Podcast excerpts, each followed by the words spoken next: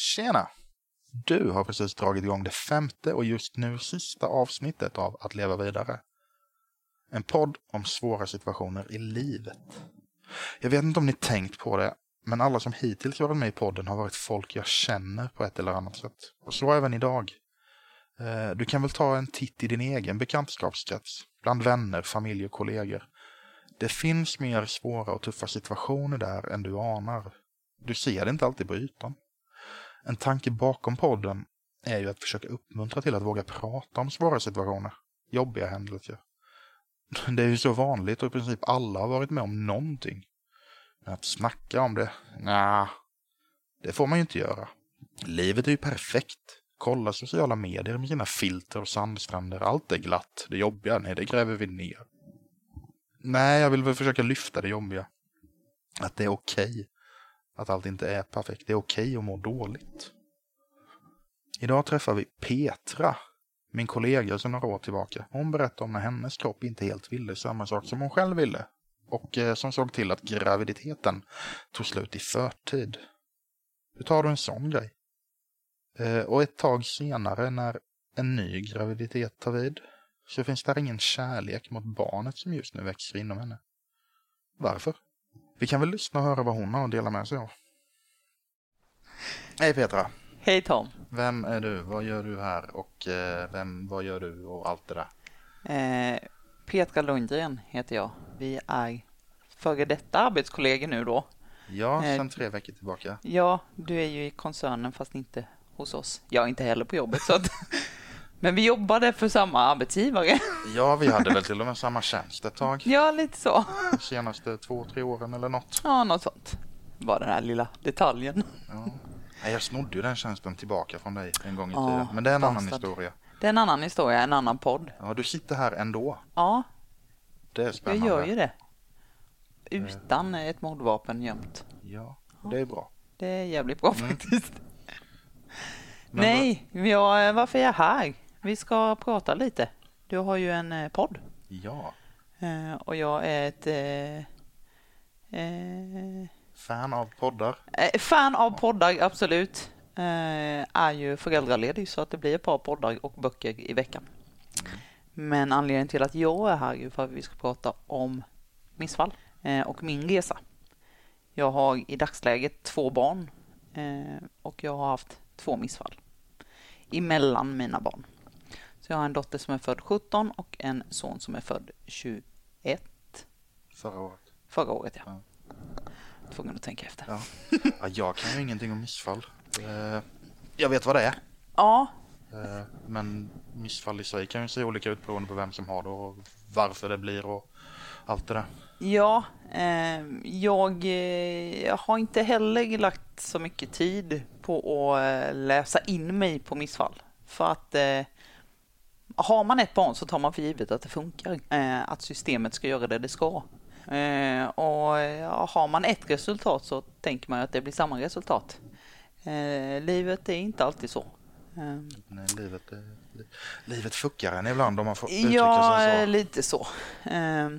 Så att när min dotter, eller vår dotter kanske jag ska säga, inte våg men jag och min sambos dotter när vi fick vår dotter 17 eh, så var vi överens om att vi skulle vänta något år tills jag hade börjat jobba och ja, livet hade börjat rulla på igen eh, innan vi skaffade barn nummer två.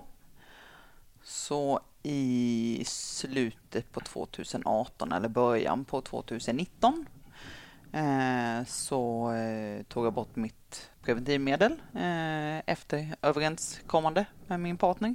Det är bra att ha överenskommande om man ska skaffa barn. Det kan vara bra. Man ska stå ut med varandra länge, så tänker jag för. Men när vi då hade tagit beslutet att vi skulle göra oss av med preventivmedlet och så får det komma när det kommer så tog det först väldigt lång tid. Eh, det tog över ett år eh, och då börjar man också fundera varför eh, tar det sig inte? Mm. Även om man ligger i så att säga så funkar det inte. Pun intended. Pun intended. Ehm, så det tog längre tid än vad jag ville.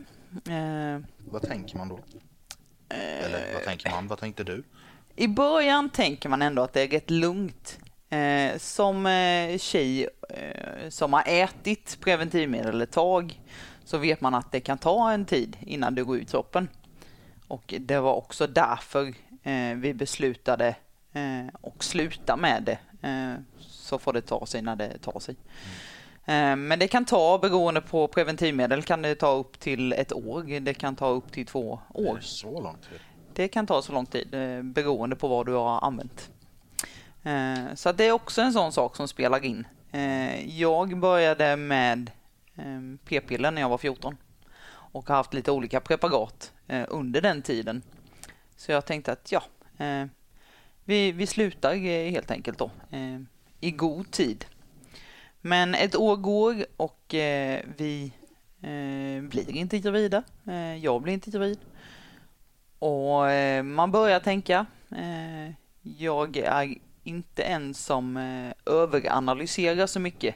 Jag kör på och går det åt helvete så gör det det. Där är vi nog olika. Jag överanalyserar allt. Ja, jag, jag gör inte det så ofta. För att resultatet blir detsamma. Ja, Så att du det, får gärna lära mig det någon gång. Jag ja, har blivit bättre på det, men vi, vi har mycket att lära av varandra Tom. jag tror det. Ja, men ja. Ehm, Man blir, eh, för min egen del tycker jag inte att det är värt att överanalysera. För resultatet blir detsamma. eh, Och struntar jag i att analysera så har jag väldigt mycket tid över till eh, saker som faktiskt är roligt. Eh, Saker som inte är roligt också, men jag slipper fundera. Slipper vara med om det där jobbiga två gånger. Ja, lite så. Och tänka på, har jag gjort något som jag hade kunnat göra annorlunda? Eh, den tanken eh, har också slagit mig och det kom i ett senare skede. För när vi då eh, hade gått ett, ett och ett halvt år nästan eh, så blir jag gravid. Eh, och eh, Vad är känslan då? Dum fråga kanske. Eh, ja, men först så är det ju bara glädje för att vi har väntat så länge. Eh, sen eh, slår ju livet en lite då i ansiktet. Så bara shit, ett barn till. Okej, jag ska gå hem på föräldraledigt. Eh, lönen försvinner till viss del. Vi måste köpa massa grejer. Eh, hur ska det bli? Sömnlösa nätter. Man funderar mycket. Eh, jag är också en människa som gillar att ha eh, olika planer. Eh, inte i en plan att jag måste ha liksom detaljerat så här kommer det hända. Men jag gillar att veta eh, jag gillar att planera till det stadiet att ja, men till nästa jul eh, då kommer vi vara två barn och två vuxna. Eh, nästa sommar kommer det här barnet som jag precis då har eh, fått veta att jag väntar. Då kommer det ha lärt sig att gå. Det är Eh, ju inte jättedetaljerat, men det är ändå ett mål. Ja, det, det är ändå en sån framtidsplan man har.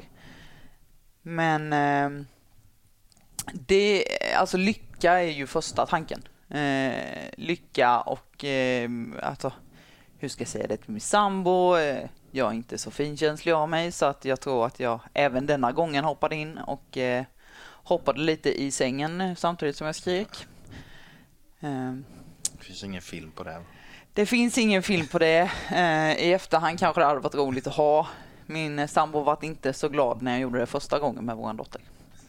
Eh, för det var dagen efter en utekväll för hans del. Så att han var Ah. lite, lite gnällig eh, när men jag jag- eh, avslöjade det. Ja, men jag tänker att det, det väger upp ändå. Ja, Kanske inte just där och då. inte just i den stunden, eh, men när man har fått en pizza och en dusch kanske. Då, då tror jag att eh, Då efter tror det. han att han går med på en unge med. Eh, ja, han är nog mer vänligt inställd än när han är bakfull på morgonen. Ehm, Ja, jag känner inte honom, jag vet inte. ja, nej, men jag kan nog svara för hans fall. Eh, han var nog glad, men eh, han hade nog varit gladare om jag inte hoppade i sängen. Så att han höll på i tre Ja, men då vet du det här till nästa gång. Exakt. Då hoppar du en gång till. Ja, då hoppar jag på honom istället. Ja. Nej, ehm, men ja, eh, glädje först, eh, lite så här eh, vanlig, eh, jag vanlig panikångest, men vanlig, eh, vanlig släng av verkligheten. Att eh, det är ju inte bara roligt, det innebär ju också eh, väldigt mycket ansvar. Väldigt mycket förändring också. Vi har ju ett barn sedan innan, eh, i vågat fall i alla fall. Vår dotter har varit väldigt smidig när hon var liten. Hon sov bra, hon åt ordentligt, sov från en månads ålder så sov hon i princip hela nätter. Hon är fyra idag, det har ändrats. Hon eh, tycker det är väldigt roligt med tidiga morgnar eh, och är inte sugen på att gå och lägga sig. Men som eh, nyfödd var hon väldigt, väldigt enkel att ha att göra med. Det var inte så ofta vi behövde ändra våra liv, för hon hängde bara med. Ja. Det är lite gött. Ja. Kan jag tro. Jag har inga barn själv så jag vet inte. Ja, eh, min filosofi är att bara för att man har barn eh, så tar liksom inte livet slut. Eh, det finns situationer där jag inte tar med mitt barn. Men jag ser inte heller någon anledning till varför man alltid ska vara hemma. Eller varför man ska välja bort glädjeämnen Eh, i sitt eget liv för att man har ett barn. Eh, det gör ju alla som de själva vill. Eh, men det är min filosofi. Och vi, vårat kompisgäng, lite skämtsamt så brukar vi säga, eller jag brukar säga, att vi är ett kollektiv.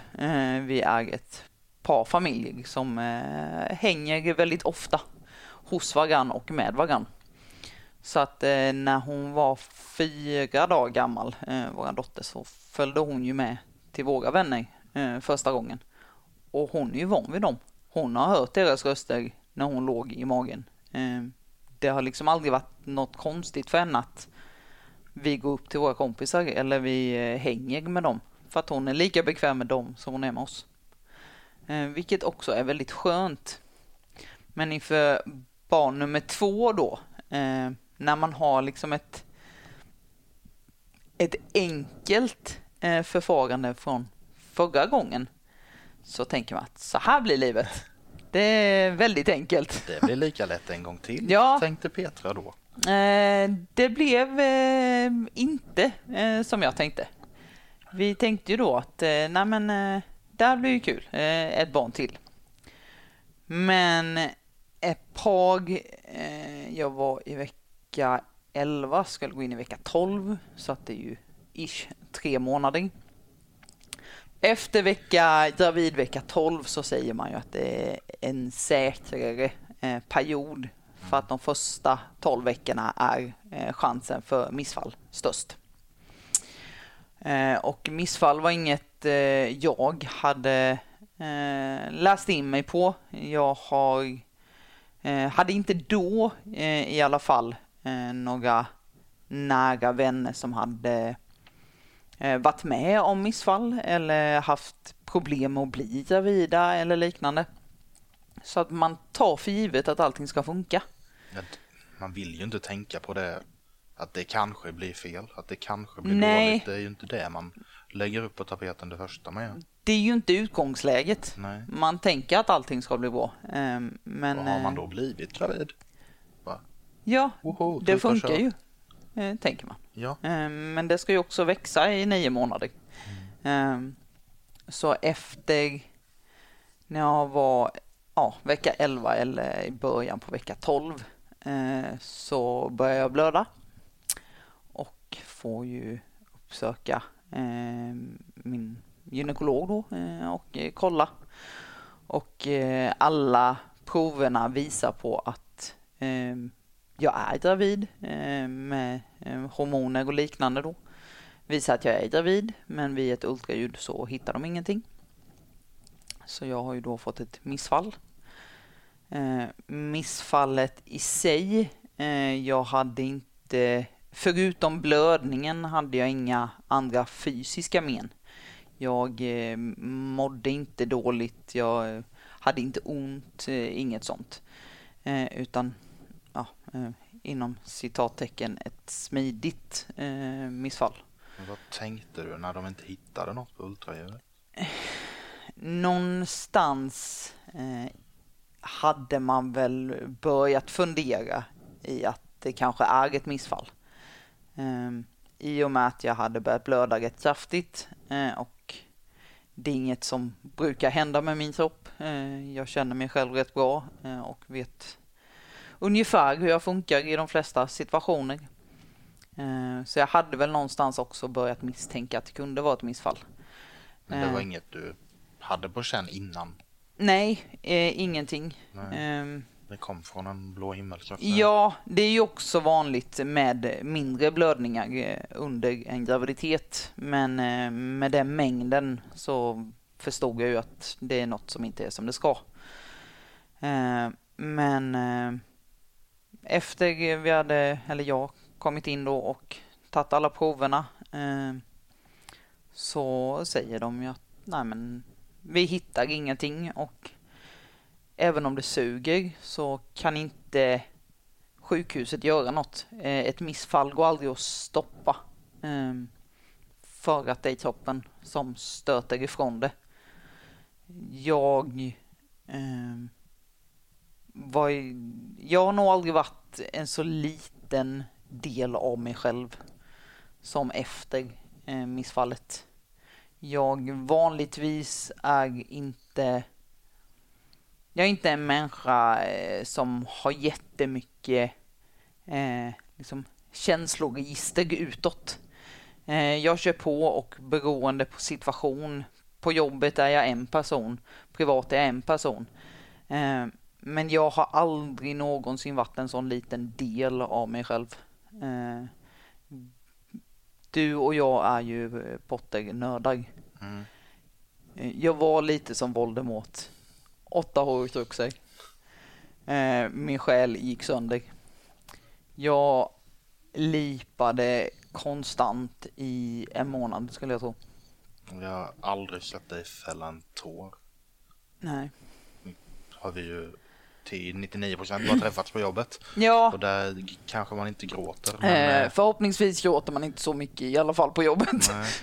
Eh, nej, jag är oftast inte en, eh, en känslomänniska. Eh, Den bilden jag har fått av dig under, ja, nu är det inte tusentals, tio, hundra år, men hur länge är det vi har känt varandra? Sju, åtta, någonting? Fem har jag jobbat. Är det bara fem? Ja, strax över fem. Fem år ungefär. Ja, jag trodde det var mer. Ja, det känns som länge när man har roligt. Vet det är då det går fort. Nej, men jag har aldrig sett det som, du har alltid varit den där, ja, fuck it, gå vidare. Ja. Men hur gör man det? Eh, kanske den tuffa frågan.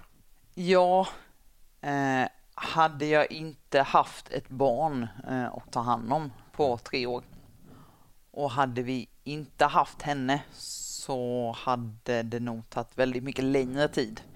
Eh, jag är som sagt en människa som kör på.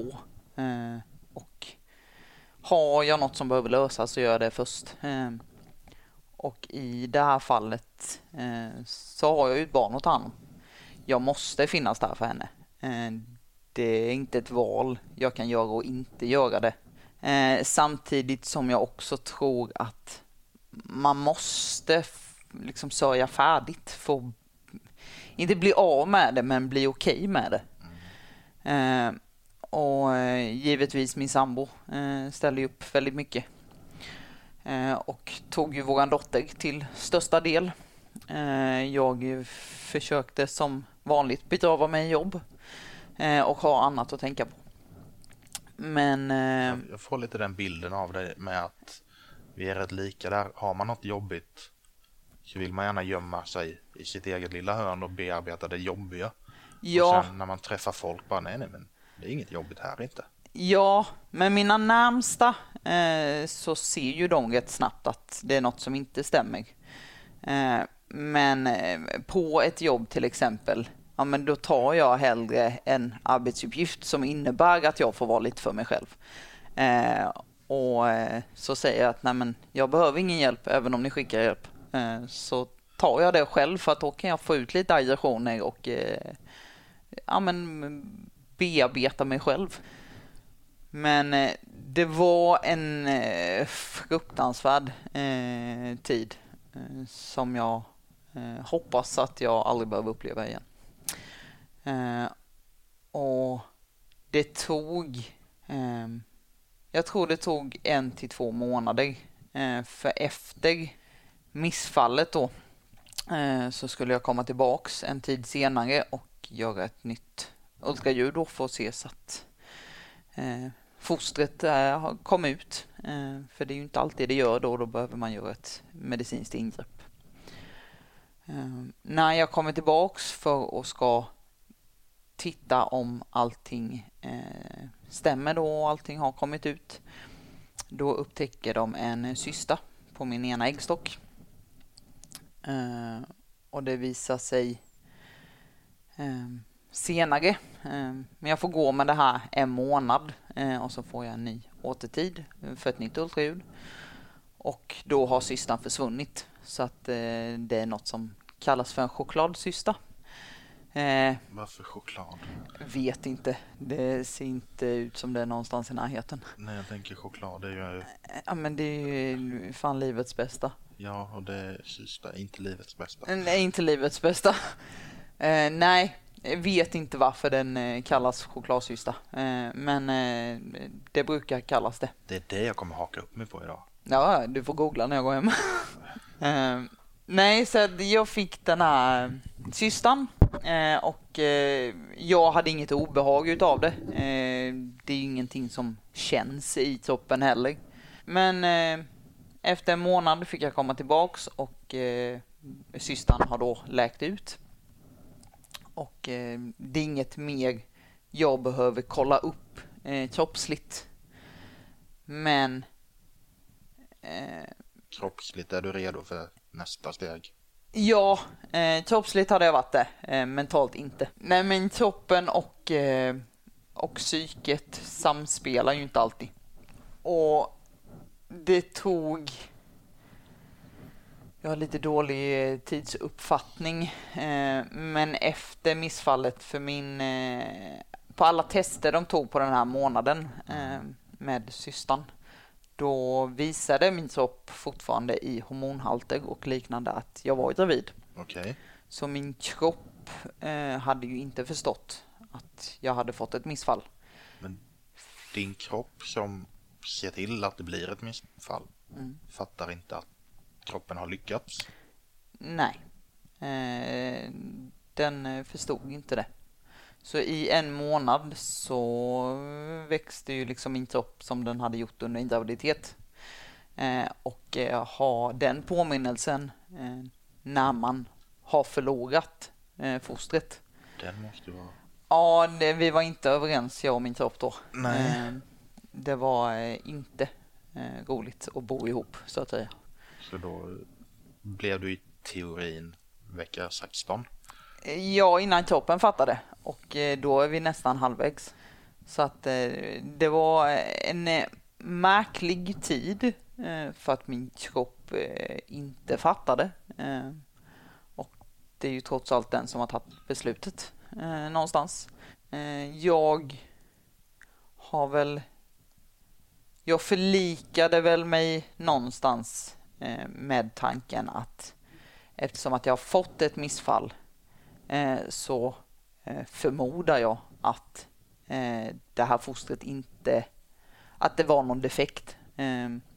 För det är ju oftast därför en kropp stöter ifrån ett foster också. Att det inte är som det ska helt enkelt. Och för min del, det är ju inte en det var ju inte en hjälp i sorgen. Man är ju fortfarande ledsen oavsett anledningen till missfallet. Mm, ja, så är man ju fortfarande eller fortfarande ledsen för utgången. Um, Fanns det något du gjorde för att tänka på annat och försöka komma ur den sorgen? Alltså vi... Eller är det för tidigt? Det blev ju enklare med tiden, eh, men eh, mina närmsta eh, familj och vänner och eh, vårt kära lilla kollektiv. Vi hade ju också sagt rätt tidigt när jag var i vecka åtta tror jag, eh, sju, åtta där. Hade vi ju berättat att vi väntade eh, med syskon då. Mm. Och eftersom att vi umgås så nära eh, och träffas i princip varje helg så var det ju rätt eh, det skulle vara väldigt uppenbart om jag inte eh, drack Red Bull, inte tog någon cider eh, eller inte eh, rökte någon cigg eh, när jag hade tagit en cider eller två. Eh, det hade varit väldigt avslöjande. Mm. Så istället för att höra liksom pikar eller att de frågar eh, så valde vi att vara öppna med att vi väntar eh, och det är liksom inget, inget så. Eh, och alla var ju glada givetvis. Men eh, vi var väl också... Jag och min sambo var väl inte riktigt överens om när vi skulle berätta det. Eh, min sambo menade på att vi skulle vänta tills efter de 12 veckorna då. Eh, Medan jag menade på att oavsett utgång eh, då... Man hoppas ju aldrig på ett missfall. Det är inte så. Nej. Men oavsett utgång så är ju ändå det här eh, våra närmsta vänner. De kommer finnas där oavsett utgången. Så att vi eh, hade ju då berättat eh, rätt tidigt och våran dotter var ju inte så gammal men vi hade ju berättat för henne med att eh, det ligger en bebis i mammas mage. Eh, och Eh, i en barns värld, eh, alltså barn är väldigt härliga eh, för att de har en väldigt älskvärd syn på livet och på, på världen. Det ingår ju liksom inte i deras tanke att någonting kan gå fel. De vet att det finns en bebis i mammas mage och sen kommer den ut. Men att behöva berätta det här Eh, för en treåring eh, och även så en treåring förstår. Eh, och de som någon gång har stött på en treåring vet att man kan inte bara säga att så är det för att det kommer tusen följdfrågor. Så att eh, när vi ska ha det här samtalet så sitter vi och äter. Och eh, jag ska försöka förklara på något eh, barnvänligt sätt att Eh, det finns ingen bebis mer. Eh, och jag bryter ihop. Eh, min, eh, eller vår treåring eh, kramas och säger att det blir bra. Eh, för det är det vi brukar göra om något har hänt som är jobbigt. Eh, var på min sambo då också eh, behöver blinka och eh, få bort lite tårar. Eh, Eh, ett missfall är ju inte heller bara den som bär på det. Eh, det drabbar ju liksom även partnern. Eh, inte fysiskt, men kanske psykiskt. Ja, för han har ju ingen sån connection till det på samma sätt. Nej. Som du som ändå har gått med det i magen. Mm. Jag förmodar det var eh, rätt länge var det ett väldigt jobbigt samtalsämne. Eh, så då undvek jag helst det. Eh, och eh, kunde inte prata om det. Eh, för att eh, jag bröt ihop helt enkelt. Men när vi väl liksom kunde börja prata om det så han har ju också liksom haft sin förlust men på sitt sätt utan att ha det kroppsliga. som bärare av barnet så får man ju både det psykiska och fysiska. Jag känner att nu lägger jag ord i hans mun, men att han inte kan... Att han kanske inte vet helt hur han ska göra för att hjälpa dig. Ja. Eller eh. bara är det fel ord jag lägger i munnen på dig? Nej, jag tror eh, du är rätt, eh, rätt rakt på faktiskt. Eh, jag tror eh, vi har som sagt eh, inte eh, gått tillbaka och liksom granskat det här eh, i ett senare skede, eh, utan allting eh, utspelade sig när det var väldigt färskt i minne. Eh, men han visste nog inte eh, hur han skulle bete sig för att möta mig i den sorgen.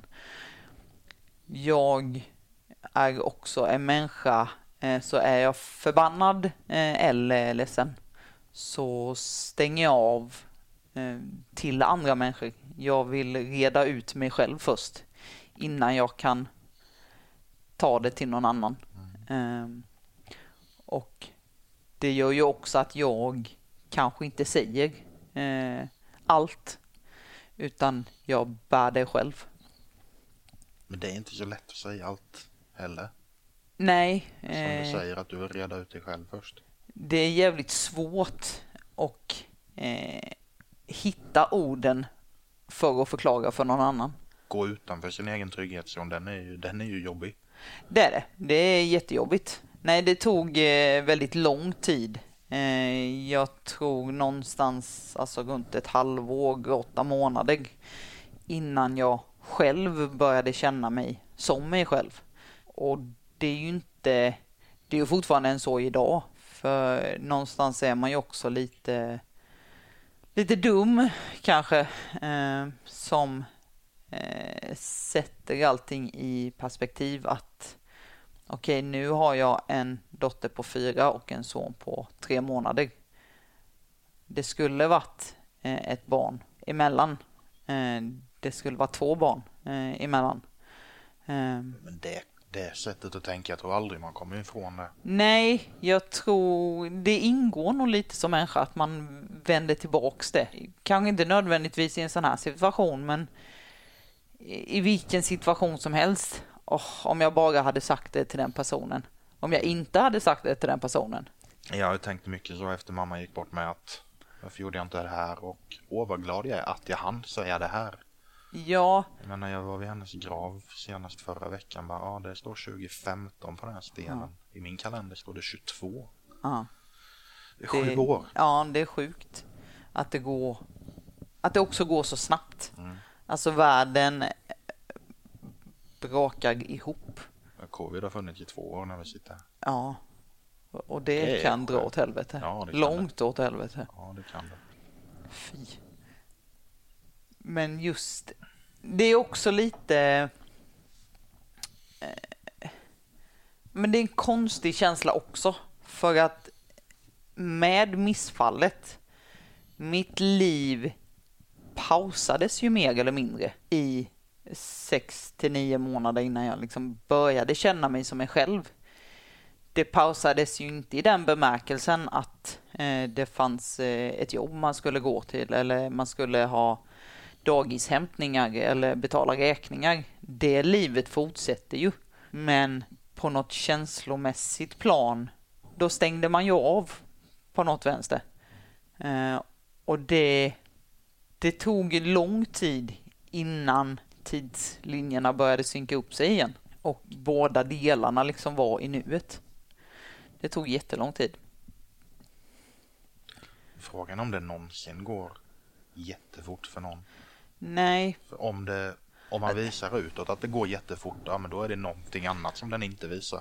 Ja, jag tror man kan kanske vara mer förberedd Eh, för, eh, som i det här fallet, en, eh, ett missfall. Hade jag haft en, eh, en bakomliggande sjukdom eller en historia släktmässigt med mycket missfall eller liknande, då kanske man också hade varit mer inställd på att det kanske inte blir så enkelt som man tror.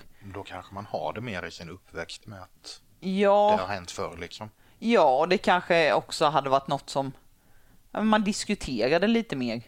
Eh, för missfall är något som diskuteras i min umgängeskrets väldigt lite. Eh, innan jag eh, fick mina missfall så kan jag inte påminna mig. Det kan också vara att jag glömt, för jag har väldigt dåligt minne. Men det kan också...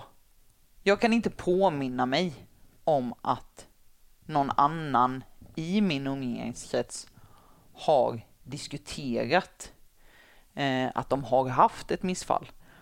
Eller eh, hur, alltså hur deras eh, läkningsprocess i det hela har gått till. Jag kan inte påminna mig om det.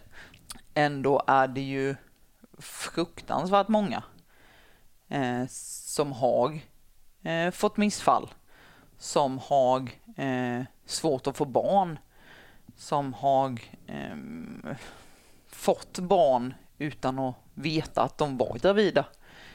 Det är ju sånt som man liksom läser och hör om rätt ofta.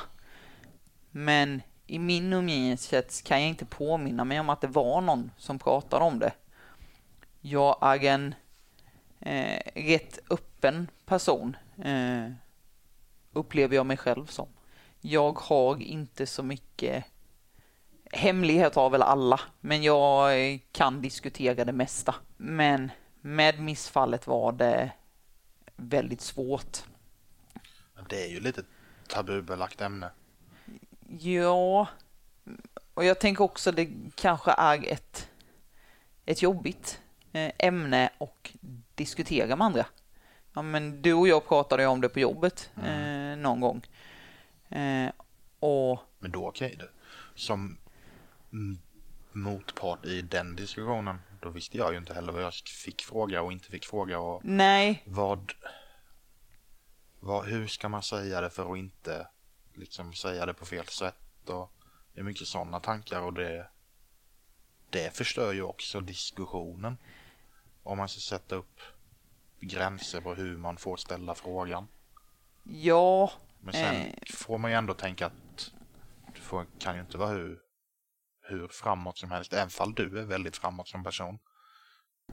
Jag tror, alltså det är lite överlag, när det är jobbiga grejer, så tror jag att det blir svårt, även om det är en närstående som har dött, eh, någon som har gått igenom ett missfall, någon som har, inte vet jag, eh, gått igenom en arbetsolycka och förlorat benet. Alltså, sånt, det är svårt att närma sig. Eh, en sån grej. För man vill inte såra den man frågar eh, samtidigt som man vill veta. Men då blir det också lite att om man då inte vågar fråga att, men du, hur mår du egentligen? Då blir det ju kanske motsatt för den som inte får frågan. Den kanske vill berätta, men inte vågar. För att man inte får frågan? För att man inte får frågan eller man själv inte vågar eh, säga att ja, men jag mår faktiskt inte så bra för att det här har hänt i mitt liv. Det blir nog lite moment 22 tror jag. Eh, någon måste vara den jobbiga tror jag. Mm. Jag vet eh, när min mamma gick bort. Eh, då var det en person som skrev till mig väldigt långt och väldigt fint meddelande att eh, jag gärna fick komma bort och göra det här och det här för att tänka på något annat. Eh, och sen någon månad senare gick ju den här personens ena förälder bort. Och det jag skrev till den personen det var Ja men kom hit och drick öl så deppar vi ihop. Men jag var ju inte helt... Den personen hade ju skrivit något jättefint till mig. Och ta emot det meddelandet, det var ju en grej. Men sen, bara en månad senare, när vi var i omvänd situation. Jag visste inte hur jag skulle skriva till den personen även fall jag vet precis hur den personen skrev till mig. Det, det är svårt att möta någon i sorg. Mm, även fall man, som i det, här, i det här fallet, vi hade varit med om i princip samma grej. Eller, ja, båda hade förlorat en förälder. Ah. Sen att familjeförhållandena såg olika ut, det är något annat. Men mm. Vi hade varit med om en jobbig grej båda två. Men ändå bemötte vi varandra så olika. Ah. Och nu, det var ju sex, sju år sedan. Eh, och vi har inte snackat om det. Men vi är ju inte så tajta egentligen. Nej. Den... Samtidigt kanske det också, även om eh, i den här situationen att eh, från ditt håll eh, kanske blev ett kort och snabbt svar. Att nej men kom och drick lite öl, vi hänger. Det kanske inte motsvarade vad människan hade skrivit till dig. Men det kanske också är det man kanske behöver då. För att i den sorgen så har ju Alltså man tänker ju mycket och funderar och ja men sörjer. Då kanske det är skönt att någon bara såhär ja ja, eh, nu dricker vi sprit mm. Eh, och lirar mm, Fifa på tv eller något. Mm. Men jag, jag, tror aldrig jag gav den personen något svar och jag tror aldrig den personen gav mig något svar. Men ni vet att ni fanns där. Vi vet att vi fanns. Och det är väl det som är det fina i det stora hela. Det är ju så länge man vet eh, vart man har varann. Eh, eller vart man har dem man behöver i en nödsituation. Då spelar nog inte svaret så stor roll. Det kan vara vad som. Nej. Vart tar vi vid? Var vi tar vid? Vart fortsätter vi nu? Eh, nej men vi kan väl eh, mellanlanda lite i att efter eh, första missfallet. Hade du någon att snacka med då? Eh, jag pratade ju med mina vänner eh, och eh, även inom eh, kvinnovården då. pratade jag. men det var, jag var väldigt känslig för missfallet. och prata om det var inget jag kände att jag ville göra. Eh, jag har mycket anteckningar på min telefon. Jag har skrivit eh, sena nätter eh, i sorg. Så bearbetar jag det bäst. Du fick ut det på något sätt? Jag fick ut det på något sätt. Jag och min partner pratade också om det. Men det var nog också eh, just det här hur man möter någon i sorg.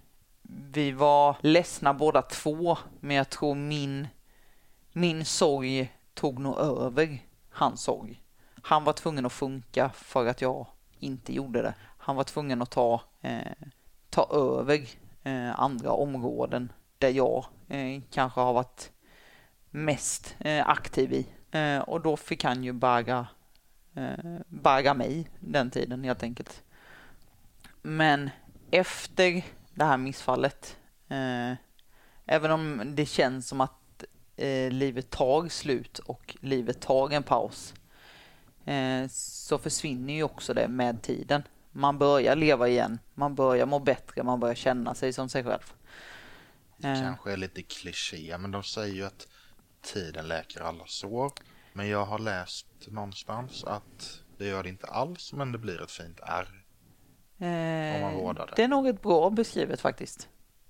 Jag, jag tror jag läste någonstans. Jag kan ja. inte påstå att jag hittat på det själv, men jag hade gärna sökte. Eh, det hade jag påstått. Ja, jag För det är ett klokt, eh, klokt uttalande. Ja, jag, jag, tyckte också det när jag läste det slash hittade på det. Ja.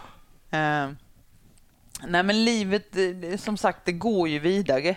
Eh, jag har inte glömt det. Det poppar som sagt upp ibland att nu skulle det här barnet vara så här gammalt. Eh, det gör det eh, lite ordmedvetet tror jag. Det kommer lite till och från. Vissa dagar och veckor tänker jag inte på det alls. Sen tänker jag på det väldigt ofta en period. Det finns nog alltid i bakhuvudet. Det är väl en av alla de upplevelser eh, som gör en till den människan mm. man är. Eh, och någonstans måste det ju hänga med. Eh, men efter dryga, ja men det var nog mellan nio månader och ett år. Då blev gravid igen.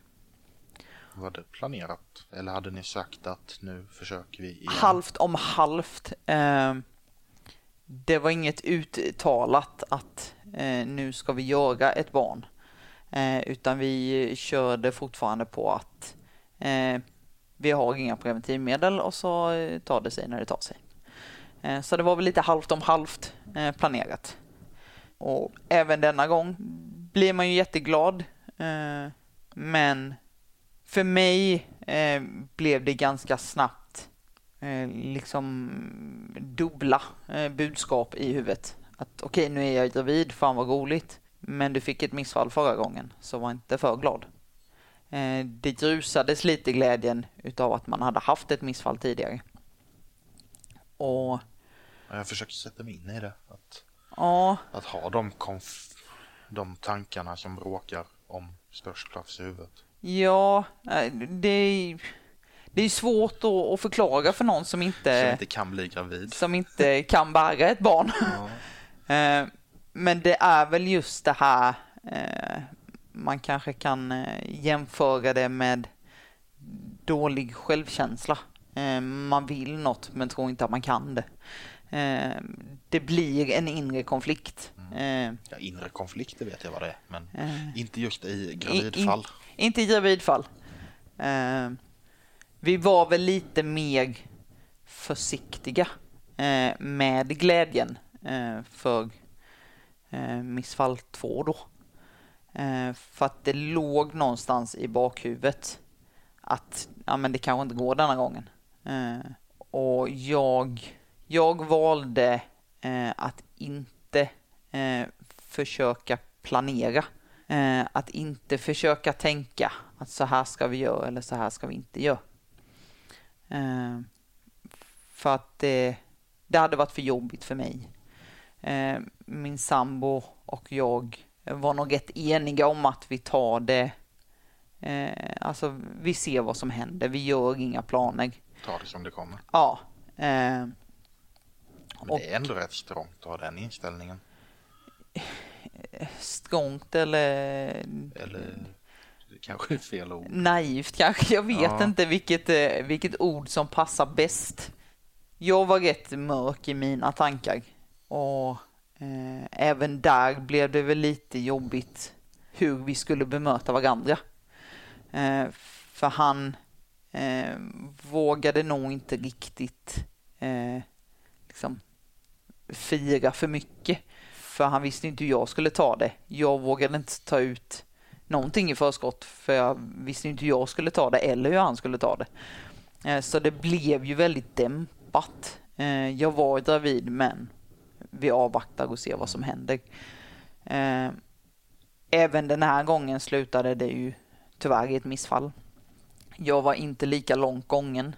Mm, då var jag i vecka sex eh, med missfall nummer två. Eh, och hade väl fått veta det ungefär två veckor tidigare då. Eh, så det var ju väldigt tidigt.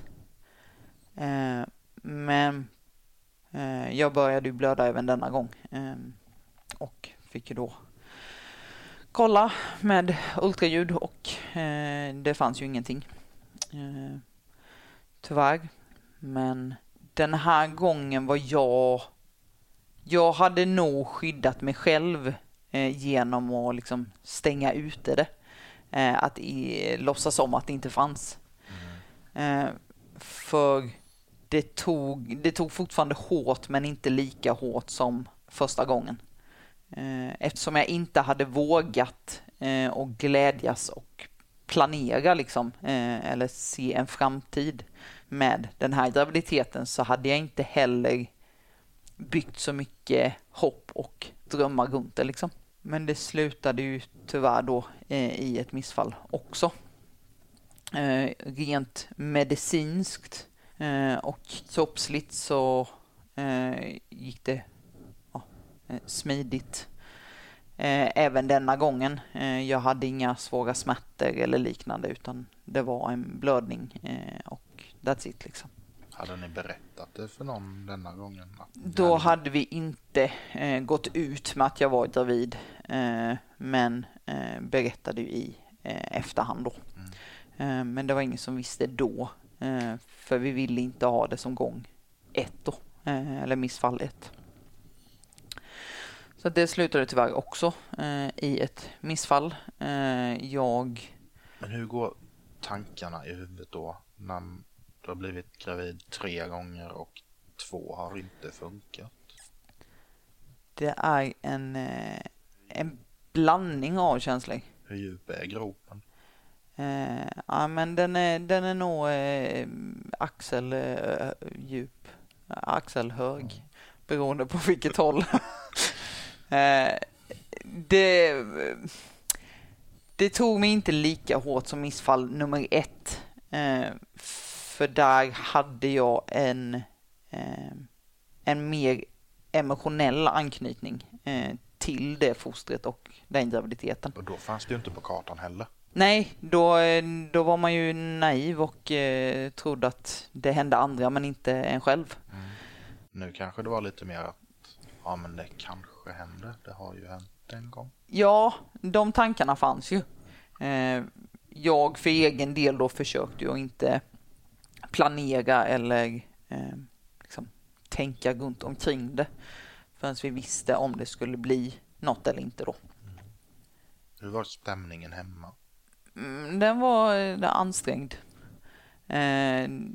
Det tog som sagt inte lika hårt för att jag också hade skjutit det ifrån mig.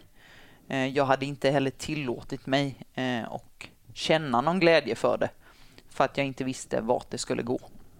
Och eh, för mig och min sambos del var det väl också lite lite som missfall nummer ett, att vi visste inte riktigt hur vi skulle möta varandra.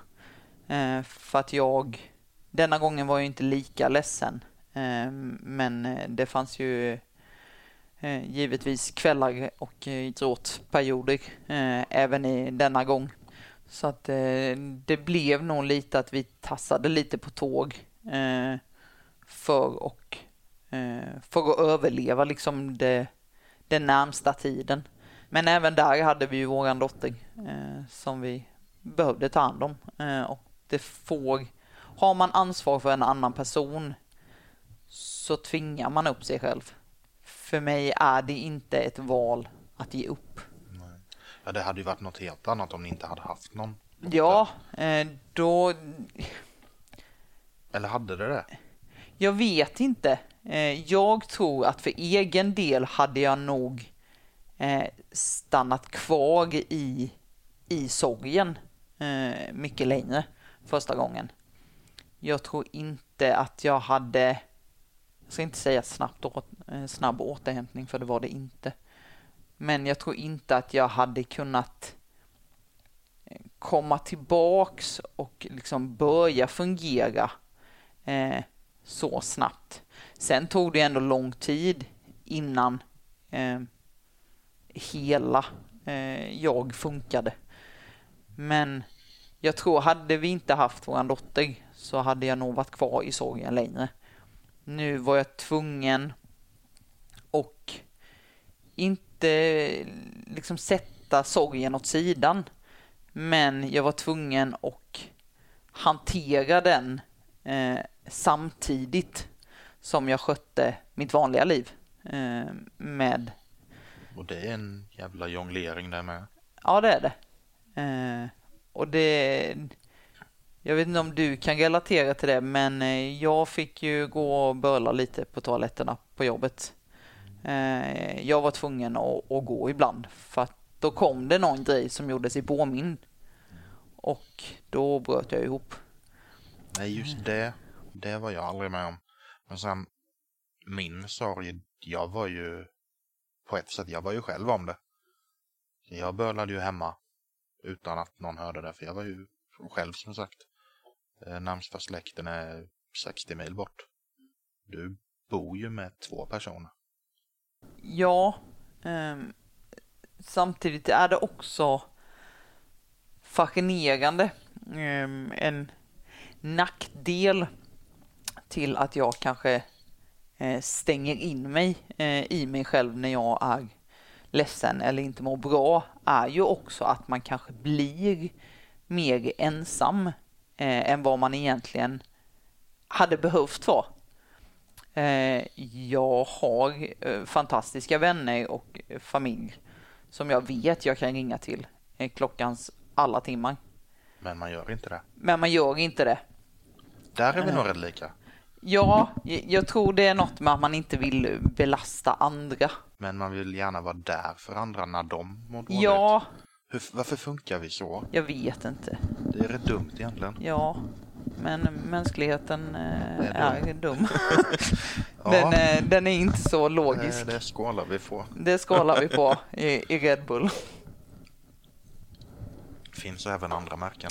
Finns andra märken, ja. Fast det Men här eh, det här är det bästa. eh, nej, så att efter missfall två tog det väl inte lika lång tid förrän jag kunde eh, börja känna mig som mig själv.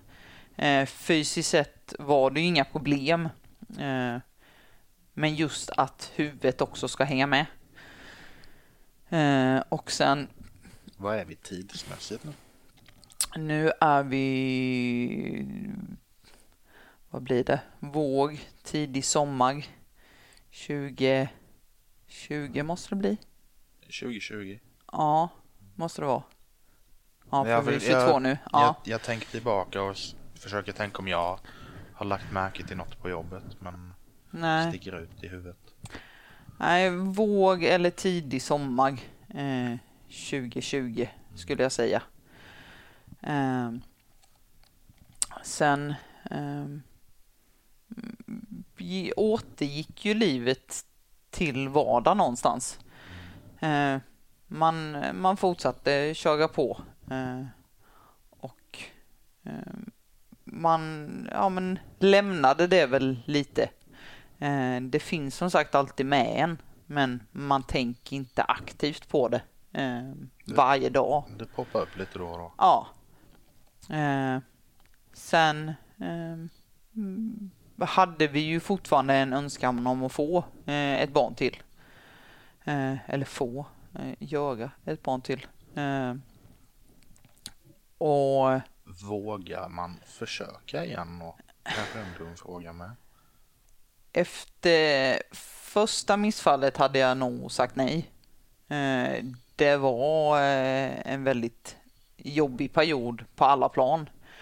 Och jag var inte redo att liksom eh, hoppas eh, på ett nytt barn där och då. Eh, Med missfall två, jag hade nog stängt av mina känslor så pass mycket så att jag kunde avfärda det lite mer eh, på något vänster. Eh, och det vi pratade väl aldrig om det eh, och liksom uttalade att nu, nu försöker vi, nu ska vi ha ett barn liksom. Eh, utan det gick ju också sin gilla gång liksom. Eh, efter ett tag så vågar man ju eh, ändå börja hoppas någonstans. Och vi var överens om att vi vill ha ett barn till. Eh, och i början på januari 2021 eh, så visade jag positivt eh, för ett barn. Veckan efter visade jag positivt för corona. Så att det var ju en, eh, en till twist. Ja, den lilla detaljen Den lilla ju, detaljen ja. hade ju kommit till världen. Ja, samtidigt som man då inte vågar hoppas på att det kommer gå bra.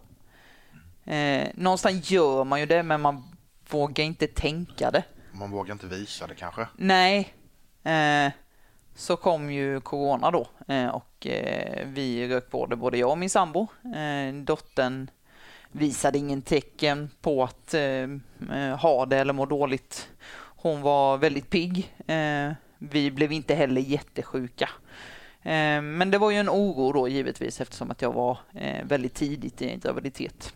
Ja, gravida är ju riskgrupper. Ja, eh, då var det ju fortfarande hyfsat nytt. Eh, så att då var det väl ingen, eller hyfsat nytt, det känns, Det känns så, men det känns hade- så men det har ju hållit i sig länge. det hade, det hade väl ändå hållit i sig nästan ett år då. Ja, det hade det gjort. Nästan. Eh, Men det var väl ingen, det fanns ju inget svart på vitt att så här Nej, påverkas barn vid en eventuell smitta. Eh, eller ett foster. Eh, så att det, det blev lite kämpigt i början eh, samtidigt som man inte vågade hoppas. Eh, så gör man ju det lite eh, innerst inne. Och så tänker man, jaha okej nu är det fjärde eh, graviditeten då. Eh, kommer det bli ett barn eller blir det missfall nummer tre? Och plus då att man var orolig för att hur, eh, hur funkar corona och Mm. graviditet. Eh, Men eh, vi överlevde eh, coronan och eh, även fostret överlevde. Så att jag blev mer och mer gravid. Eller mer gravid. Jag blev, blev större. Men det kan du också klippa bort. Men eh, graviditeten fortgick i alla fall. Eh, och jag, eh, jag vågade inte hoppas. Även om vi nu hade kommit över 12 veckor.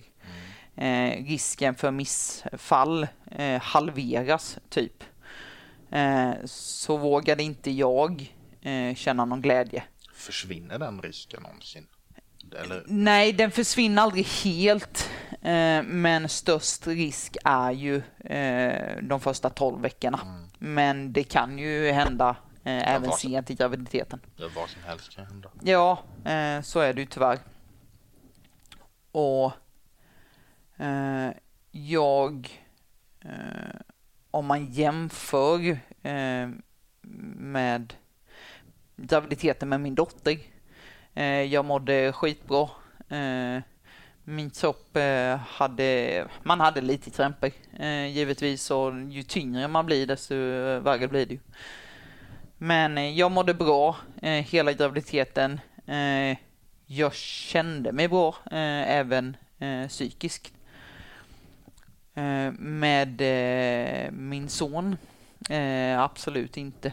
Det var det vidrigaste jag någonsin har upplevt. Det visade du inte mycket på jobbet. Nej. Eller så var det bara jag som inte fattade, men jag kan inte komma ihåg att... För då satt vi ändå mitt emot varandra. Ja, vi, vi såg ju varandra över skärmarna. Ja, jag kan inte påminna mig om att jag märkte något. Visst, att du blev lite större. Ja, det är svårt att, att dölja. men inget annat. Det dolde du bra. Ja, nej, men det är bra att höra. Skönt att höra, jag vet inte. Nej, jag vet inte heller. Men jag är ju som sagt kanske inte så mycket känslomänniska. Eh, I alla fall jobbmässigt. Eh, mässigt, eh, men jag var så fruktansvärt obekväm eh, i min egen kropp. Fysiskt, jag hade lite foglossning. Man blev tyngre givetvis. Men det mesta satt nog psykiskt. Och nu i efterhand, eh, om man får leka lite hobbypsykolog, eh, så skulle jag nog blivit klassad som en eh, graviditetsdepression. Eh, jag har aldrig tidigare varit eh, i närheten eh, av att känna mig deprimerad. Eh, men i de mörkaste stunderna eh, så hade jag kunnat alltså skära ut mitt eget barn ur eh, mig själv. För att det var så främmande att han var i min kropp eh, och liksom växte till sig. Eh, jag var inte alls bekväm i det. Eh, jag vet inte om det är en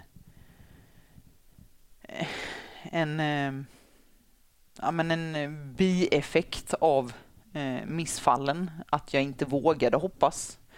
Eh, men jag slappnade aldrig av. Eh, jag kunde inte känna glädje inför våran son och hans kommande födsel. Jag kunde inte känna det.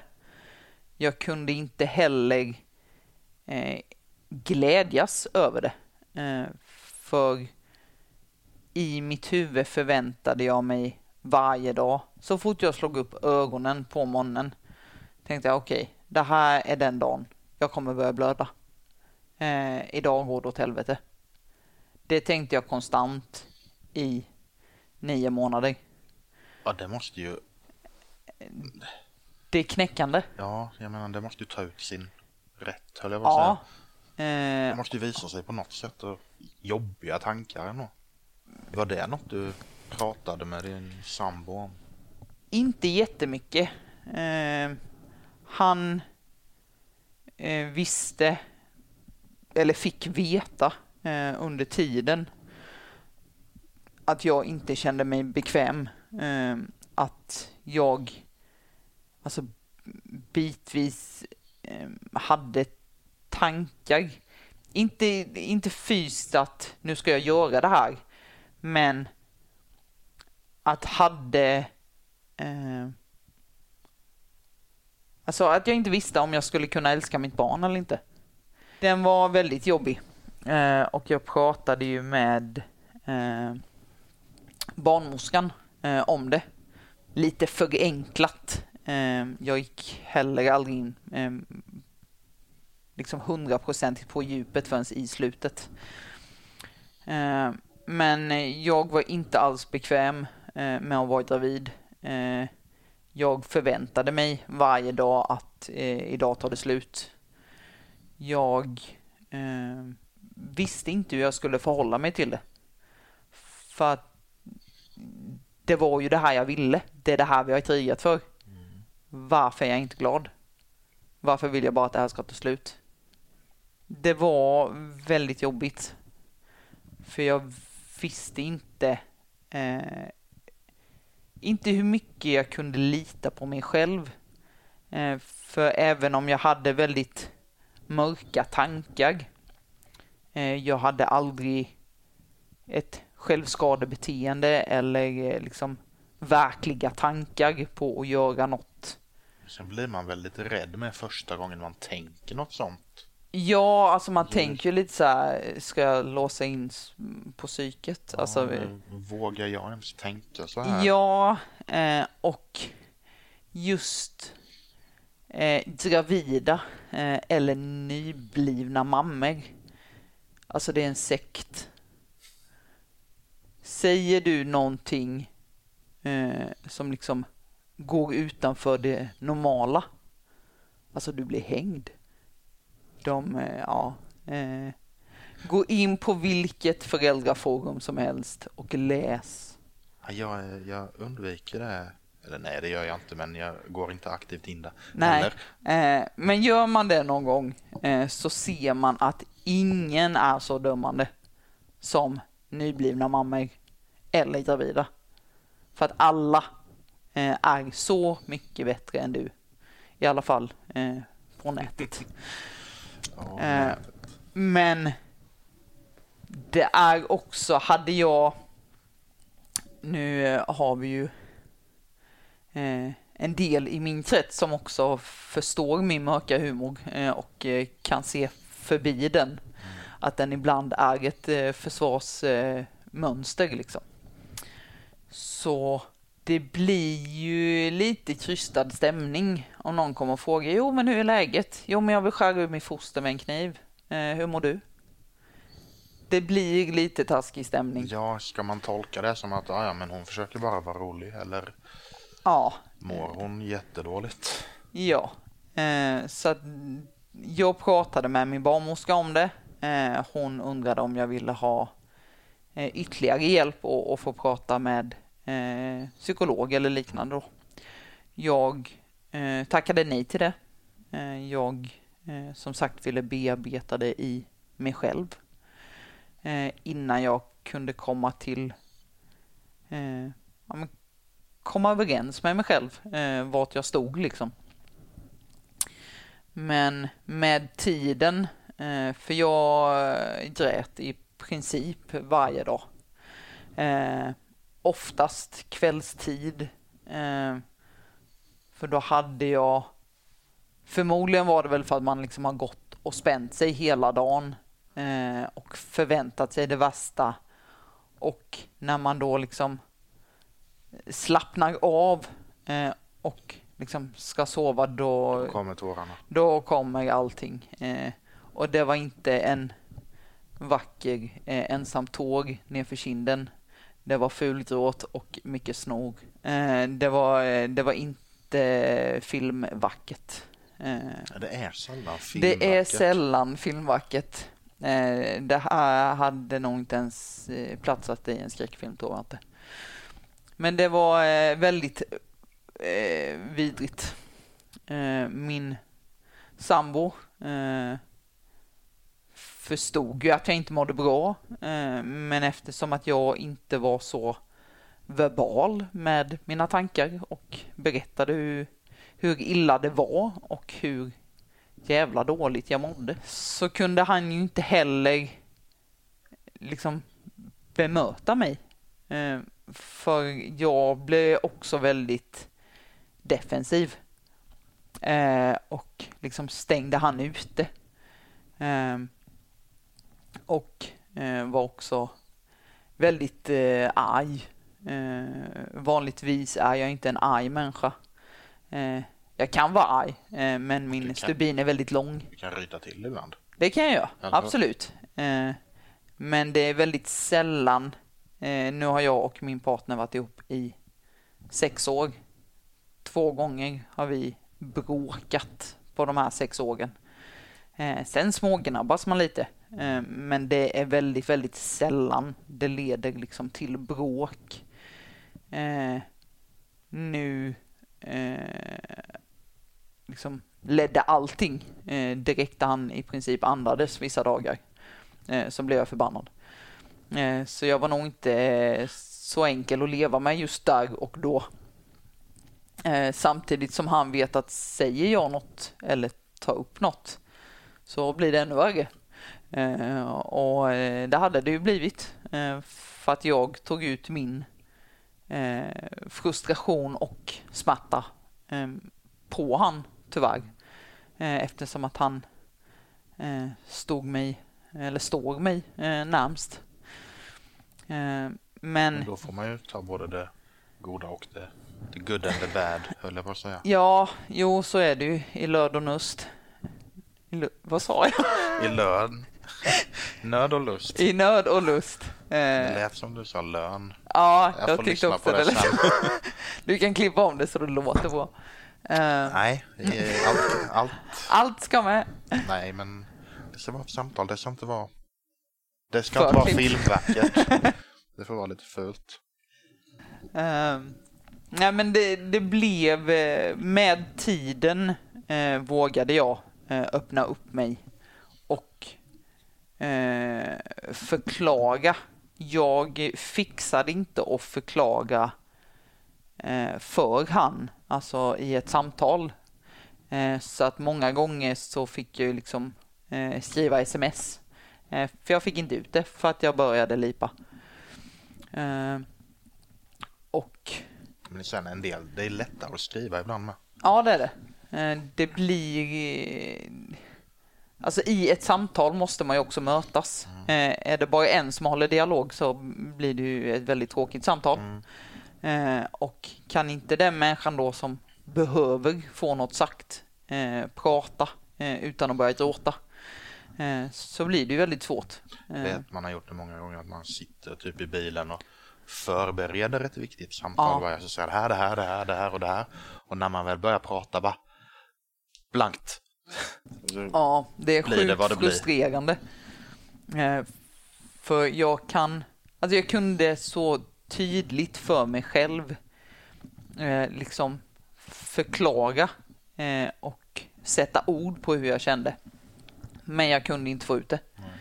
Eh, så jag skrev mestadels sms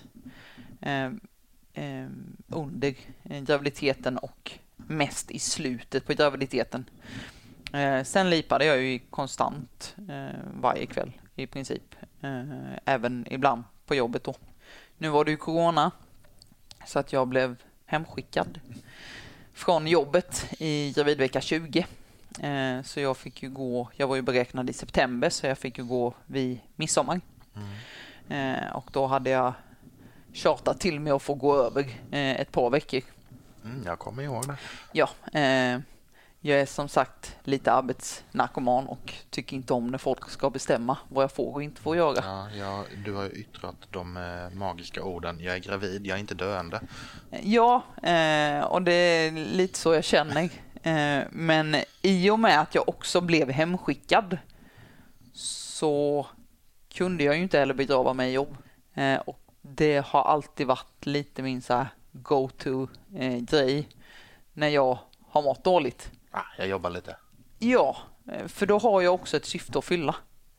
Då Eh, måste du tänka på jobbet. då måste jag tänka på För jobbet. Du kan inte vara på jobbet och tänka på hemmet.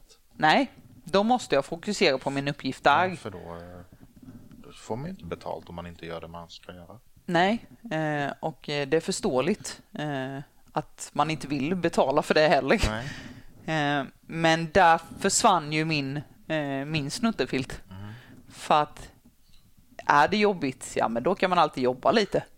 Eh, då, kan man tänka på annat eh, och stänga in sig i sig själv och Då bara göra det man ska. lite pallar. Ja, men den möjligheten försvann ju.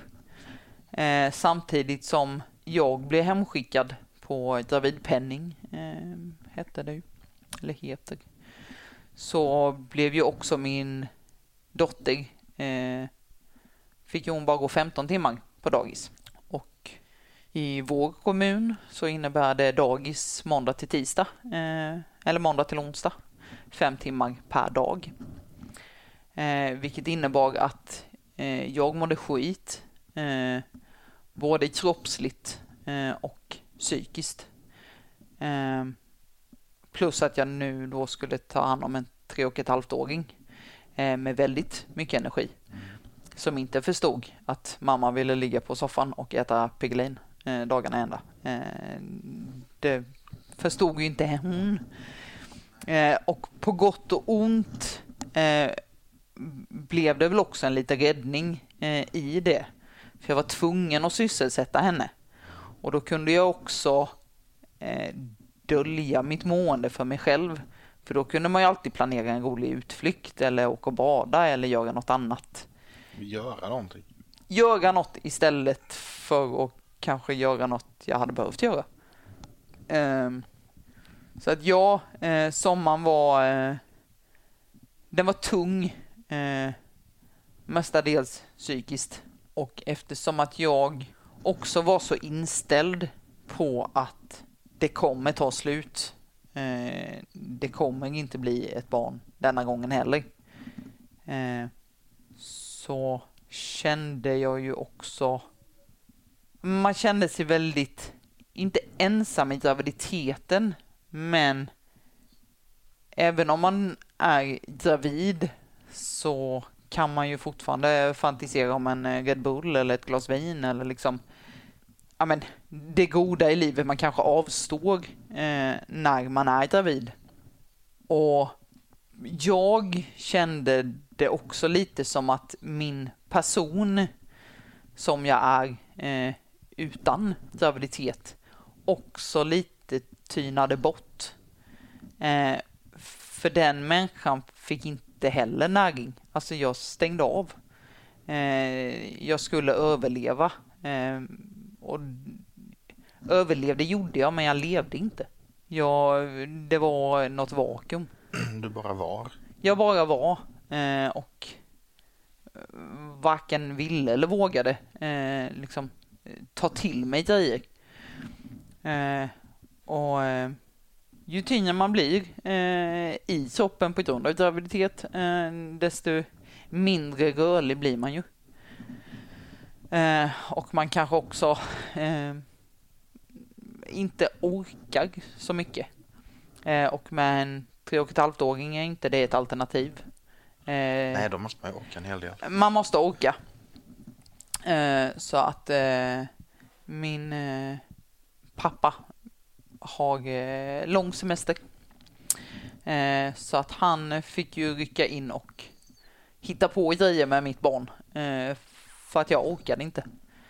Jag var ju beräknad den 19 september. Eh, och givetvis eh, går jag ju över tiden.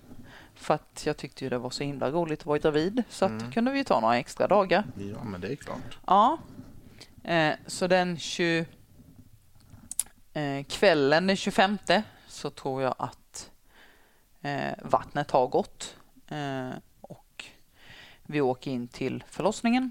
Eh, de gör en undersökning men kan inte upptäcka eh, att det läcker någonstans då. Men det är rutin att tror man att vattnet har gått så ska man åka in och kolla för att då har de ju en, en knippe regler som de måste följa. Mm. Så vi var inne och kollade. Eh, de menade på att det var inget. Eh, det var inget som läckte och det var inget som tydde på att det hade dragit igång. Så att vi får åka hem igen. Eh, och som en följd till att jag har varit inne och gjort en undersökning, förmodar jag. Eh, jag är ingen läkare, bara en, eh, eh, bra på att gissa. Så drar mina verkar igång. Vi var inne vid nio tiden på kvällen kanske.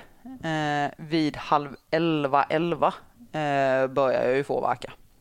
Så du var hemma och vände igen? Eh, ja, eh, vi, vi har med donken också på vägen hem. Ja, donken. Ja, eh, det var viktigt att äta. Men vi var bara hemma en, en och en halv timme. Och vid tolvtiden så har jag tre verkar under tio minuter. och då ska man kontakta förlossningen. Och med min dotter så gick det rätt fort från dess att jag åkte in eh, tills jag blev inlagd och hon var ute.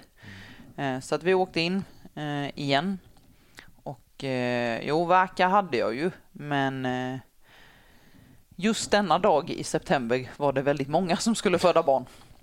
Eh, så att eh, de tycker att du, du är bara öppen ett par centimeter, ditt vatten har inte gått och din tapp är ja, nästan utplånad men inte helt då.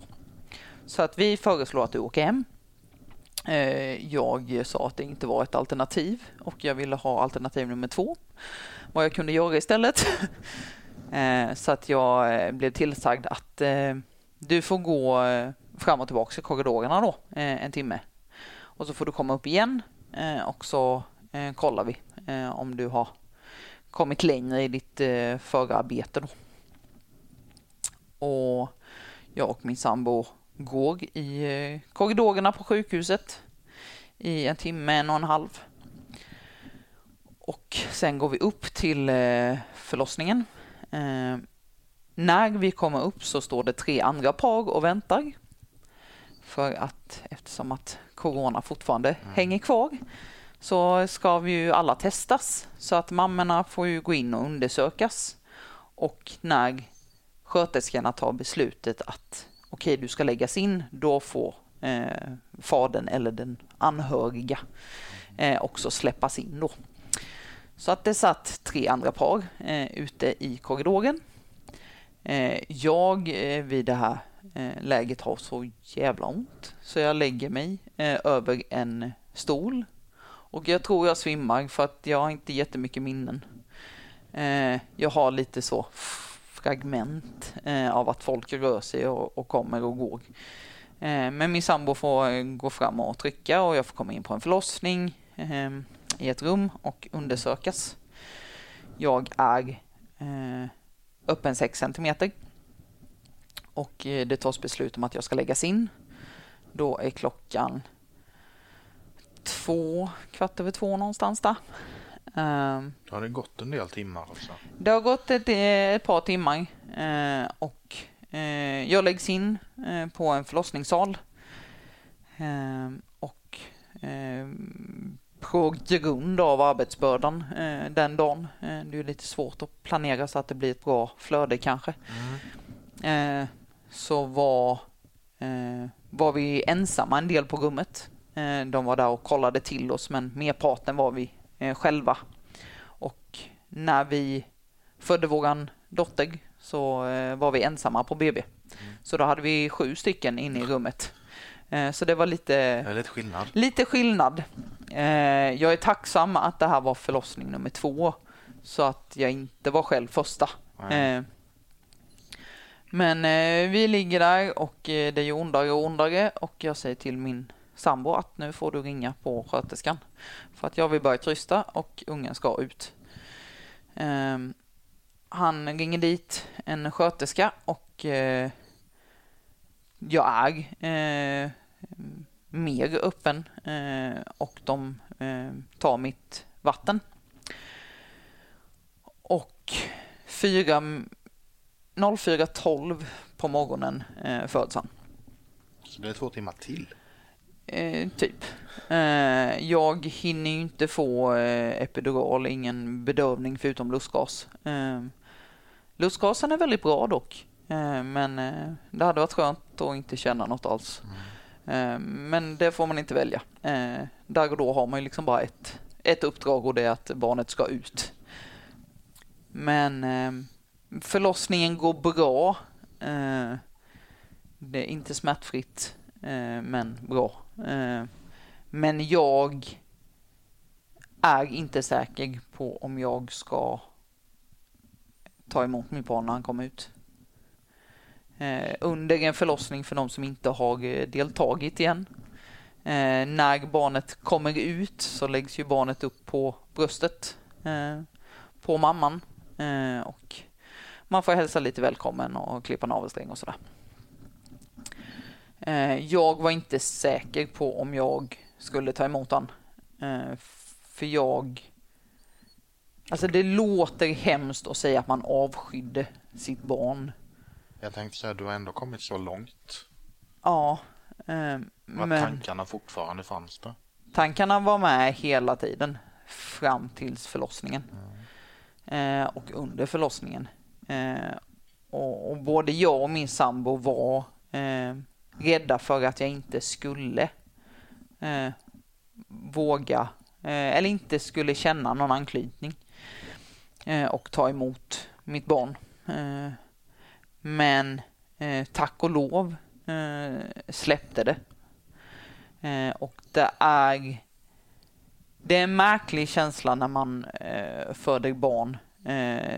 Det gör ju ont som själva fan. Det kan man ju liksom inte komma ifrån. Ja, det är ju det eller pungspark. Ja, jag vet inte vilket som är värst. Eh, men eh, förhoppningsvis så har man inte punksparkar i fyra timmar. Nej, eh, det är en sekund.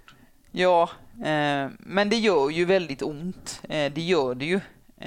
men jag... Jag har alltid varit en som har skrattat lite när de har sagt att men så fort du får upp barnet på bröstet så glömmer du ont. alltså, det gjorde. jag har alltid skrattat så tänker jag att hur, hur, hur kan man glömma att ett huvud ska passera ut genom en? Eh, sånt kan man inte glömma. Nej, nej. Eh, man gör det. Eh, man glömmer inte. Inte just där och då. Men mycket, mycket släpper. Och så fort jag fick upp min son på bröstet eh, så älskade jag han. Eh, fast än hela graviditeten hade varit nattsvart. Mm. Det måste också vara en märklig känsla att vara gått med en sån tanke så länge och sen bara byta. Ja, eh, Eh, det var väldigt märkligt. Eh, jag är väldigt tacksam över att det släppte. Jag har eh, en väldigt nära vän som eh, hade en eh, graviditetsdepression som övergick till en förlossningsdepression och höll i sig eh, gott över året. Eh, så att jag är väldigt glad över att det släppte. Och eh, idag eh, när det spelas in så är han eh, nästan på dagen fyra månader gammal. Nej, jo, fyra månader gammal. Det, eh. det, är inte så länge sedan. Nej, det är inte så länge sedan. Eh. Det spelar ju ingen roll vilken dag vi spelar in, men det är den 24 januari just nu. Ja, men då är han eh, en... Imorgon blir Imorgon. han. 25 blir han, han fyra månader. Han, han blev lön. Han, han blev lön. Han blev lön för mördaren. Han blev bästa lönen du har fått. Ja, lite så.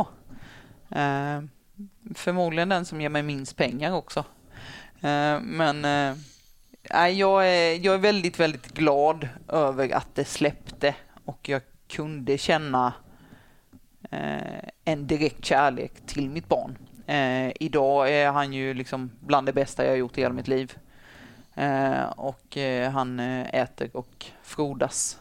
Han mår bra. Han mår jättebra. Du mår bra. Eh, jag mår bra. Din sambo mår bra. Min sambo mår bra. Och det är inget du bara säger utan Nej, mår bra. idag mår vi bra.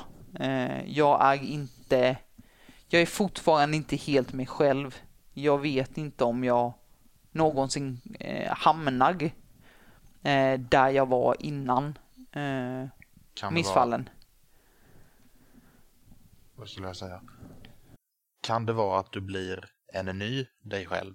Eller är den här Petra från efter ett barn ändå strävar efter? Nej, alltså man kan inte sträva efter att gå bakåt i tiden, det går inte.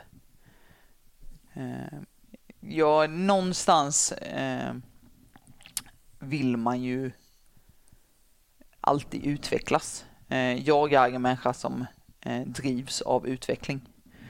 Och ja, jag tror inte det är möjligt att gå tillbaks till eh, Petra innan missfall.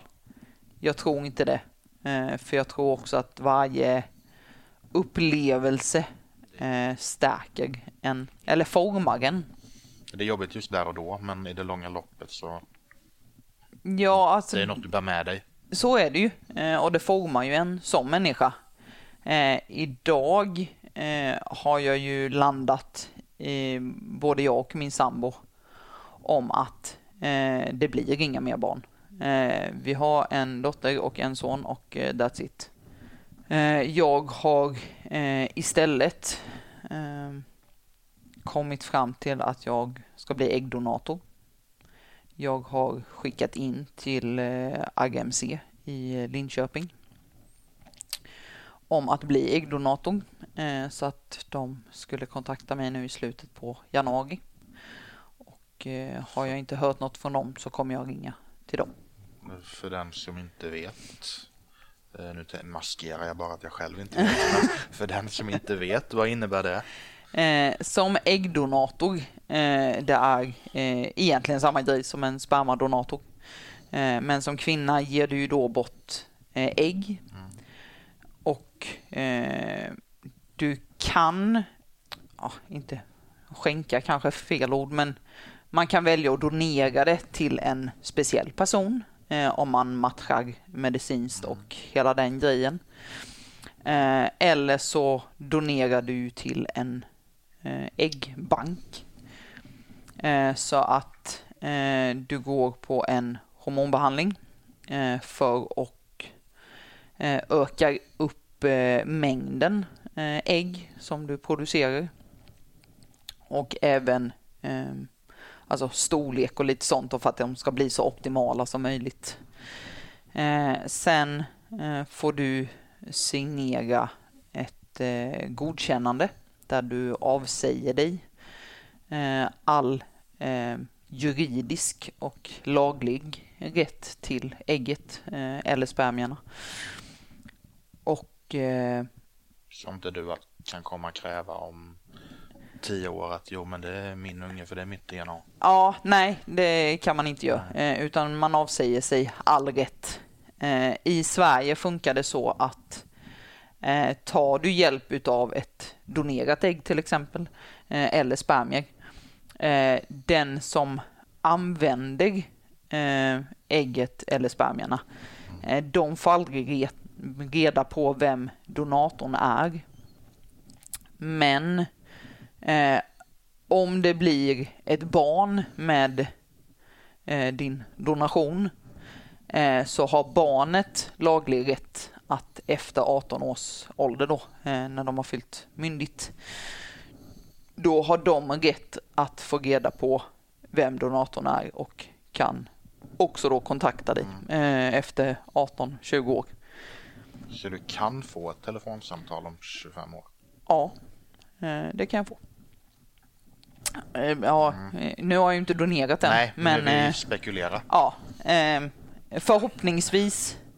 eh, leder ju mina ägg till att någon annan kan få uppleva sin dröm. Mm, jag har, har haft en en väldigt bra eh, graviditet och en väldigt, väldigt dålig graviditet eh, som har resulterat i barn. Jag har två eh, missfall som inte resulterade i barn. Eh, och det är ju, det låter väldigt cyniskt, men få barn är ju ingen rättighet. Eh, det finns de som hade blivit fantastiska föräldrar eh, som inte har möjlighet att, bli det. Eh, för att det är något medicinskt som krånglar. Man kanske aldrig hittar den rätta. Man kanske har försökt men gått igenom missfall. Alltså det finns jättemånga olika faktorer. Eh, men eh, i dagsläget är det väldigt stor brist på både ägg och eh, spermiedonatorer. Då. Eh, så att det är, är svårt för dem som vill och behöver ta hjälp utav donerade ägg eller spermier. Då. Men det är ju bra att det finns. Det är bra att det finns, eh, absolut. Eh, sen är det ju en hel rad eh, kriterier man ska uppfylla då. Eh, och det är väl på gott och ont det med?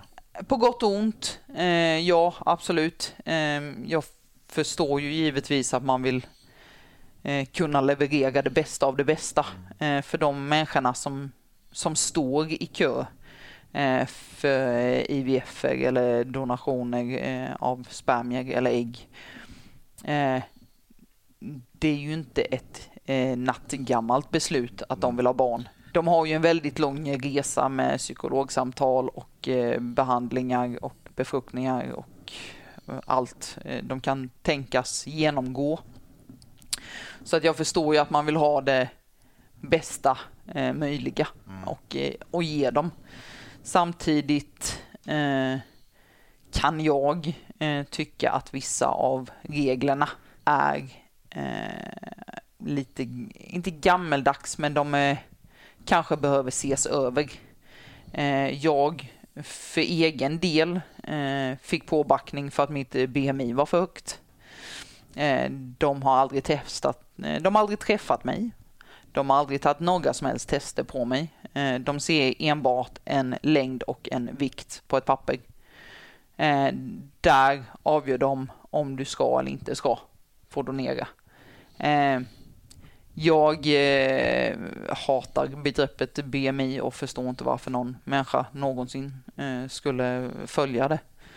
Men alla människor är ju unika och alla ser ju olika ut. Ja, Så... och bara för att du är eh, kanske ligger högt på BMI-skalan. Du kanske tränar sju dagar i veckan eh, och har jättebra värden eh, men är större i din kropp.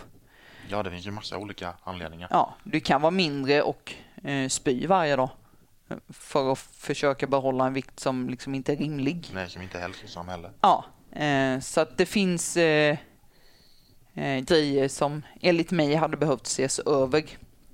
Men eh, jag eh, har gått vidare med att bli eh, äggdonator. Spännande. Ja, jag hoppas att att man kan komma igång för det är också en rätt lång process som donator. Ja, januari är ju det är inte långt kvar på januari när vi sitter här så då får vi hoppas att de ringer dig snart. Ja, eh, annars så eh, ringer, ringer jag dem. dem. Ja. eh, de slipper mig inte så lätt. Nej, men det är väl bra. Ja, eh, så att utan, utan mina erfarenheter eh, av missfall så hade ju inte jag landat i det här beslutet idag. Nej. Då hade jag ju förmodligen knallat på med mitt liv och inte tänkt så mycket mer på det. Nej, det, det är väl inget beslut du hade tagit för fem år sedan? Nej, det är det inte. Det hade jag inte gjort. Mm. Jag har en fråga som ja. kanske inte är en fråga eftersom alla erfarenheter är unika, alla missfall är unika, allt man är med om är unikt. Men om någon som befann sig i någon någorlunda liknande situation hade bett om ett råd eller frågat dig hur gjorde du för att ta dig igenom det här jobbiga? Alltså ett råd. Ja, det finns ju inte ett. Nej, jag, jag kan inte ge ett råd, eh, men... Något tips, någon, eh, något att tänka på? Dels, alltså prata med någon. Eh, oavsett om det är någon eh, random människa i något hjälpforum eller om det är en psykolog eller en bästa kompis. Prata med någon för att det är vanligare än vad man tror. Jag kände en, en väldigt, eh, väldigt ilska på min kropp. Jag var vansinnig för att min kropp inte funkade. Eh, man la skulden på sig själv. Eh, nu dricker inte jag kaffe, eh, men jag häller ju i mig ett par Red Bull. Frågan är vad som är bäst. Ja, det är nog hugget som stucket tror jag. Men det är så enkelt att man ältar Ja, men eh, nu, har ju, nu drack jag ju en Red Bull här innan jag fick veta att jag var gravid. Ja, men det är säkert. Alltså man lägger skulden på sig själv. Man letar efter något man hade kunnat göra annorlunda. Eh, det finns eh, garanterat fall eh, i världen där man har eh, aktivt eller eh, omedvetet gjort något som har bidragit till ett missfall. Men merparten gör inte det. Och det är fruktansvärt enkelt och lägga skammen, skammen men ilskan eh, på sig själv. Att hade jag bara tränat eh, och haft lite bättre grundkondition så hade det funkat. Så hade det funkat. Hade jag eh, inte ätit kött hade det funkat. Att det är så enkelt att... Man hittar alltid någonting. Ja, det är enkelt att lägga skulden på någonting. Eh, men gör inte det. Prata med någon. Eh, det, är, det, är, inte alltid det lättaste. Men... Det är det inte. Eh, alltså slå sönder grejer om det hjälper dig. Slå inte sönder en annan människa, det är inte värt det. Men krossa porslin. Eh, gå ut och sparka på ett gammalt bildäck gör vad som krävs eh, för att hitta ditt sätt att bearbeta sorgen. Eh, skriv, sjung, eh, skrik. Det, alla sätt där man inte skadar någon annan är bra. Det, det är väldigt svårt att sammanfatta. Det är det. Det är inga lätta grejer vi snackar om. Nej, det är det inte. Och det är jävligt tungt att gå igenom. Men det är tyngre att gå igenom det själv. Det är bättre att dela det med någon. Tack för idag. Tack. Jag är nog, eh, jag är nog rätt nöjd. Har du något du antar, eller antar, har du något du tror du har missat? Eller något du vill lägga till? Jag tror inte det. Jag tror jag har fått med eh, det jag ville få med. Det låter som om du har funderat på det här ett tag. Jag har funderat på det här sen du och jag pratade om att göra en podd första gången. Och det är ju x antal månader sen. Det är ju det. Men, eh... eh så att jag har funderat, men jag tror jag har fått med allting. Eh, och skulle det vara jag inte har det, eller någon lyssnare utav podden är intresserad utav att veta mer, då får vi väl bara träffas en gång till. Mm. Ja, den möjligheten finns ju. Vi vet ju. Vi har ju varandra på Snapchat så att säga. Ja. På Snapchat finns allt. Snapchat finns allt. Ja, du finns till och med på Facebook. Du ser. Vi hittar varandra. Petra, vi, vi, vi hörs igen. Det gör vi. Tack. Det här var sista avsnittet faktiskt. Jag hoppas jag får till fler, men just nu har jag inte några. Eh, den här podden är bara ett av allt jag håller på med vid sidan om mitt jobb. Eh, men som sagt, jag hoppas på fler avsnitt. Har du några tankar eller frågor om dagens avsnitt eller något av alla avsnitt? Kanske har du en egen erfarenhet du tror kan göra gott för någon annan och vill vara med? Hör av dig. Antingen på min mail som är kontakt att vidare.se eller att leva vidare på antingen Instagram eller Facebook. Jag är mest aktiv på Instagram och mejlen. Eh, jag hoppas verkligen att vi hörs igen. Hur det än blir så ta hand om dig. Och tack för att du har lyssnat.